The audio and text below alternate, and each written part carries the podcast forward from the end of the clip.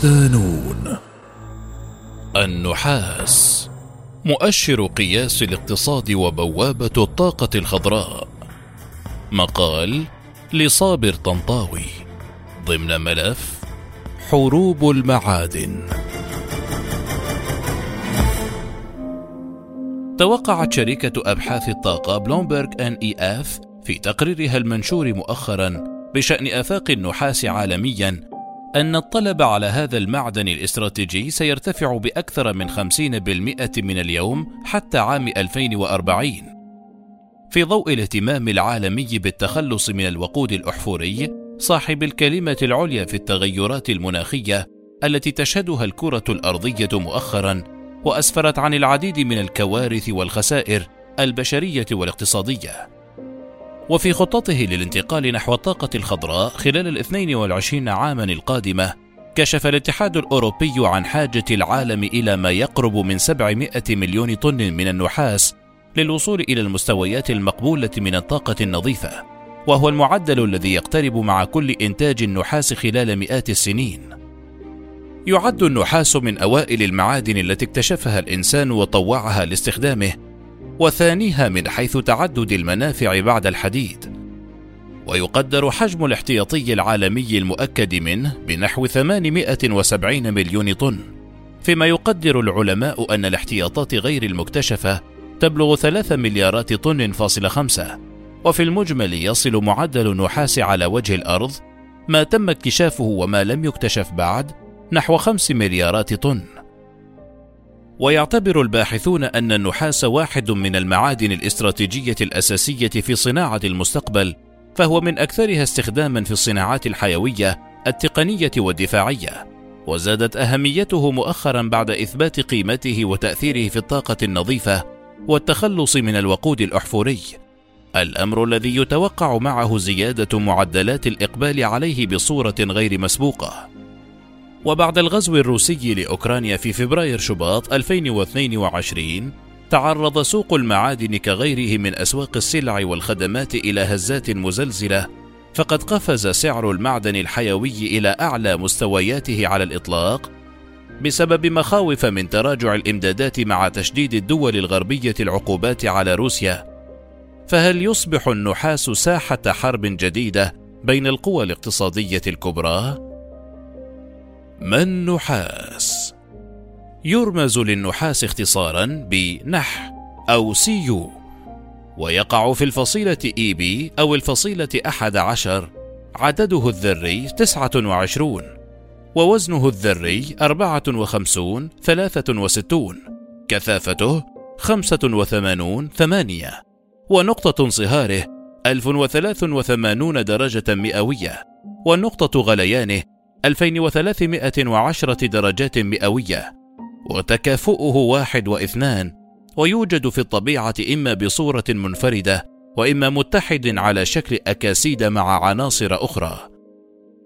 وهو مادة لينة القوام قابلة للطرق تتفاعل مع الجو ومتغيراته بطيء التفاعل مع الحوامض المختلفة وهو في الأصل ذو لون أصفر ضارب إلى الحمرة. تحوي ذرته في طبقتها الإلكترونية الخارجية إلكترونا واحدا S مع إشباع المدارات دي في الطبقة الداخلية فيكون أحادي التكافؤ. يعتبر من أقدم المعادن التي اكتشفها الإنسان القديم وطوعها لاستخداماته المختلفة، ويذهب بعض الباحثين إلى أنه الأقدم على الإطلاق، وذلك لعدة أسباب منها وجوده حرا ونقيا في الطبيعة بجانب ألوانه البراقة والمميزة التي لا يمكن تجاهلها ويسهل تعرفها فضلا عن سهولة إرجاع فلزاته إلى معدن النحاس كذلك وجوده في بقاع كثيرة من الأرض. ويرجع المؤرخون اكتشاف النحاس إلى عام ستة آلاف قبل الميلاد حيث وجد في أحد مساكن البحيرة عند روبتهاوزن في سويسرا. كذلك عثر على بعض آثاره في الجزيرة بين دجلة والفرات وتعود إلى نحو أربعة آلاف وخمسمائة قبل الميلاد. أيضا في مقابر البدار في مصر ما يقرب من سنة أربعة آلاف قبل الميلاد وفي آثار أور التي ترجع إلى سنة ثلاثة آلاف ومائة قبل الميلاد تقريبا. الوضع ذاته في آثار بنات الجبل في أمريكا الشمالية. العلماء يعتقدون أن اكتشاف النحاس وتحويله إلى معدن لين جاء مصادفة حين أوقدوا نارا للتدفئة فأذابت نحاسا كان ملاصقا للأحجار التي أحاطوا بها النار. واستمر الوضع هكذا حتى عام ثلاثة آلاف وخمسمائة قبل الميلاد حيث وقع الناس على فن صهر المعادن واستخراجها من مناجمها ثم بدأوا في صبها نحو سنة 1500 قبل الميلاد. وهنا بعض الدراسات تشير إلى أن المصريين القدماء استخدموا مركبات النحاس بشكل عفوي منذ خمسة عشر ألف عام قبل الميلاد وذلك في تلوين الزجاج ويعتقد أنهم أول من استخلصوا النحاس النقي منذ خمسة آلاف عام تقريبا حيث وجدت بعض ذرات النحاس داخل الآنية القديمة فبعد تحليلها اكتشف أنها مصنوعة من النحاس الخالص وليس من سبائكه من أين يستمد أهميته؟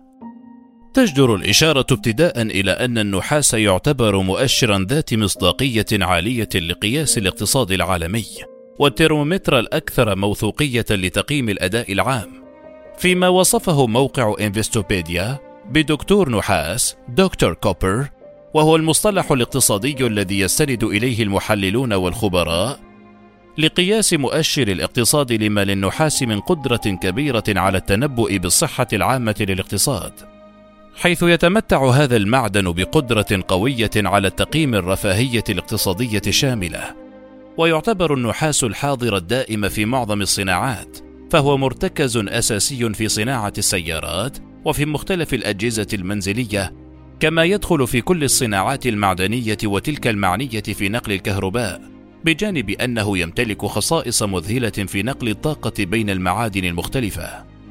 ويعول عليه الباحثون في تعزيز مسار التحول نحو الطاقه النظيفه فهو أحد الأركان المحورية في بناء مزارع طاقة الرياح والطاقة الشمسية وزادت قيمته أكثر بعد صناعة السيارات الكهربائية وهي سيارات المستقبل بلا شك حيث تستخدم تلك السيارات أكثر من ضعف كمية النحاس المستخدمة في صناعة السيارات التي تعمل بالبنزين، وهو ما يزيد من الإقبال عليه.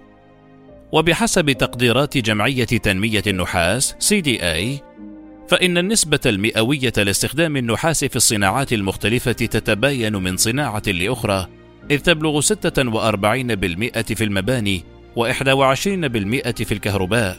ونحو 16% للنقل بالإضافة إلى 17% تستخدم في صناعة المنتجات الاستهلاكية والآلات الصناعية والمعدات فيما يبلغ متوسط وزن النحاس المستخدم في السيارات العادية ما يقارب 30 كيلوغراما ويبلغ معدل الاستهلاك عند بناء منزل أسرة واحدة أكثر من 180 كيلوغراما. وفقا لدراسة ممولة من S&P Global فإن تحول نحو الطاقة النظيفة بهدف تصفير الانبعاثات سيزيد الطلب على النحاس إلى 50 طن متري سنويا بحلول سنة 2035 فيما يتوقع المتخصصون أن يشهد العالم عجزا تاريخيا يصل إلى عشرة ملايين طن في سنة 2035 وذلك وفقا للدراسة. ولأجل سد العجز في إمدادات النحاس فإن المنقبين عنه بحاجة إلى إنفاق نحو 150 مليار دولار في العقد المقبل لسد عجز سيبلغ 8 ملايين طن وفقا لتقرير صادر عن شركة جولدمان ساكس جروب فيما تتوقع بلومبرج أن تصل الفجوة بين ما يتم تعدينه والناتج النهائي إلى 14 مليون طن بحلول سنة 2040 خريطة الإنتاج. تشيلي وبيرو في المقدمة. تقدر الاحتياطات العالمية من النحاس عند 870 مليون طن فيما تتصدر تشيلي قائمة الدول الأكثر إنتاجا لهذا المعدن برصيد 200 مليون طن أي ما يعادل 23% من الاحتياطي العالمي. وهي في ذات الوقت أكبر منتج له بمعدل قدره 5 ملايين طن فاصل سبعة سنوياً. وتشير التقارير إلى أن إنتاج النحاس في تشيلي قد يستمر على تلك المعدلات لمدة أربعين عاما قادمة إذا ظلت الاحتياطات كما هي عليه اليوم. وهو ما يعني الاستقرار الاقتصادي لهذه الدولة التي يمثل قطاع التعدين بها أكثر من 20% من ناتجها المحلي وأكثر من 50% من عائدات التصدير. إذ تصدر ما قيمته 18 مليار دولار من النحاس سنويا. يذهب أكثر من 80% من تلك الصادرات إلى الأسواق الآسيوية الصين واليابان وكوريا الجنوبية والهند. وتأتي بيرو في المرتبة الثانية بإنتاج يبلغ سنويا مليوني طن فاصل اثنين واحتياطي قدره 92 مليون طن. تليها الصين بمليون طن فاصل سبعة إنتاج واحتياطي 26 مليون طن. ثم الكونغو الديمقراطية بمليون طن فاصل ثلاثة إنتاج. تليها الولايات المتحدة بإنتاج يبلغ مليون طن فاصل اثنين واحتياطي قدره 51 مليون طن. يتبعها أستراليا باحتياطي قدره 88 مليون طن ثم روسيا ب 850 ألف طن معدل إنتاج سنوي. واحتياطي يبلغ 61 مليون طن. تليها زامبيا ب 830 ألف طن إنتاج واحتياطي قدره 21 مليون طن. ثم المكسيك تاسعا في قائمة الإنتاج ب 690 ألف طن واحتياطي يبلغ 53 مليون طن.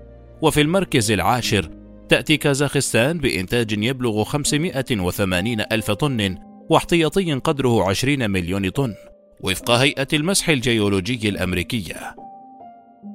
الاستعمار الاقتصادي المكانة المرموقة للنحاس بين المعادن الاستراتيجية المصنفة كأمن قومي التي تهرول القوى العظمى لتأمين احتياجاتها منها حماية لمستقبلها وحفاظا على نفوذها دفعت تلك القوى إلى تجاوز أطرها الجغرافية الضيقة للبحث عن إمدادات إضافية في البلدان ذات الإنتاجية والاحتياطي الكبير من هذا المعدن. وعليه سارت كل من واشنطن وبكين خلال الآونة الأخيرة لتعزيز العلاقات مع تشيلي التي تنتج قرابة ربع الإنتاج العالمي من النحاس. ففي الخامس من أكتوبر تشرين الماضي توجه وزير الخارجية الأمريكي أنتوني بلينكن إلى سانتياغو لتهنئة الرئيس اليساري الجديد جابرييل بوريك الذي تقول الولايات المتحدة إنها تأمل في إقامة علاقات قوية معه وهي الزيارة الأولى للوزير الأمريكي لتشيلي حيث بحث سبل تعزيز العلاقات الاقتصادية التي من بينها استغلال الثروات المتاحة.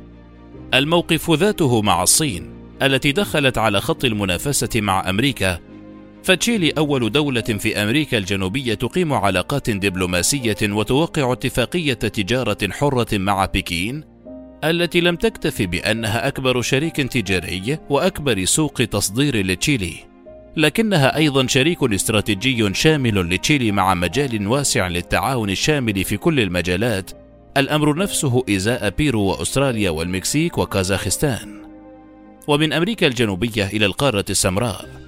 حيث الحزام النحاسي الثري على الشريط الممتد بطول حدود زامبيا وجمهورية الكونغو الذي يتجاوز طوله 90 ألف كيلومتر تلك المنطقة التي تعد واحدة من أغنى مناطق النحاس بالعالم وتحولت في الآونة الأخيرة إلى ساحة للتنافس بين الشركات العالمية ومتعددة الجنسيات.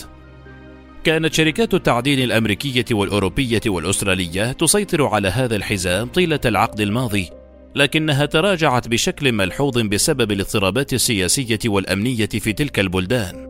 لتحتل الشركات الصينية مكانها وتفرض هيمنتها شبه الكاملة على ثروات الحزام من خلال عشرات الشركات.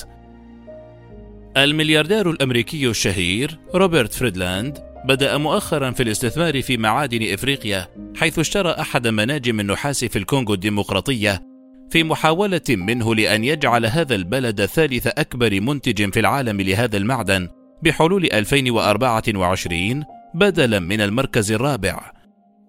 كما حصل بداية هذا العام على حقوق التعدين في منجم للحديد في غينيا. أما شركة BHP Billiton المعروفة سابقا باسم BHP Billiton وهو تداول لكيان الأنجلو أسترالية متعددة الجنسيات التعدين المعادن والبترول المزدوج المدرجة في شركة عامة مقرها الرئيسي في ميلبورن في أستراليا التي تعد أكبر شركة تعدين في العالم. فباتت على بعد أمتار قليلة من إقامة مشروع لتعدين النحاس بجوار منجم كام وكاكولا الجديد. في منطقة فريدلاند بالكونغو وفق ما ذكرت شبكة بلومبرغ. وفي مايو أيار 2022 وافقت شركة First Quantum Minerals الكندية على مشروع بقيمة مليار دولار فاصل 25 لتوسيع منجم كانسانشي للنحاس في زامبيا مضيفة في بيان لها هذا الاستثمار سيطيل عمر أحد أكبر مناجم النحاس في إفريقيا حتى أربعينيات القرن الحالي وزيادة إنتاج النحاس والذهب بنحو 25%. أقرت الشركة أيضا تطوير مشروع جديد للنيكل الذي يتوقع أن يكلف نحو 100 مليون دولار. ودخل على خط الاستثمار التعديني في إفريقيا شركة أنجلو أمريكان الأمريكية التي أعلنت عن مشروع مشترك جديد في زامبيا يهدف إلى زيادة إنتاج المعادن وعلى رأسها النحاس والكوبالت، كما أن لها استثمارات مشابهة في زيمبابوي وباكستان. يتناغم التنافس العالمي على معادن إفريقيا مع توجهات بعض الأنظمة والحكومات التي تعي أهمية تلك المرحلة التي باتت فيها بلادهم مطمعا للقوى الكبرى. إذ تسعى لتوظيف ذلك لإنعاش اقتصادها وتعزيز مواردها. وهو ما كشفه الرئيس الزامبي الجديد هاكيندي هيشيليما الذي أكد أنه سيبذل قصارى جهده لجذب المستثمرين وإصلاح العلاقات التي دمرها سلفه. منوها أنه يخطط لمضاعفة إنتاج النحاس ثلاث مرات خلال العقد المقبل وهو الهدف الذي يحتاج إلى ميزانية لا تقل عن 30 مليار دولار من الاستثمارات وفقا لمحللين ما دفعه لفتح الباب أمام الشركات العالمية مع الشركات متعددة الجنسيات. وهكذا يفتح النحاس كغيره من المعادن الاستراتيجية الباب أمام صراعات من نوع مختلف بعدما تحول إلى سلعة استراتيجية وسلاح بأيدي الدول لتعاظم نفوذها المستقبلي على حساب منافسيها. وهو ما يحوله إلى مسرح لتوتير الأجواء إذا ما تطلب الأمر لتواجه إفريقيا وأمريكا الجنوبيه مستقبلا غامضا إذ لا يعرف ما إن كانت ثروات تلك البلدان الطبيعية نعمة عليها أم نقمة.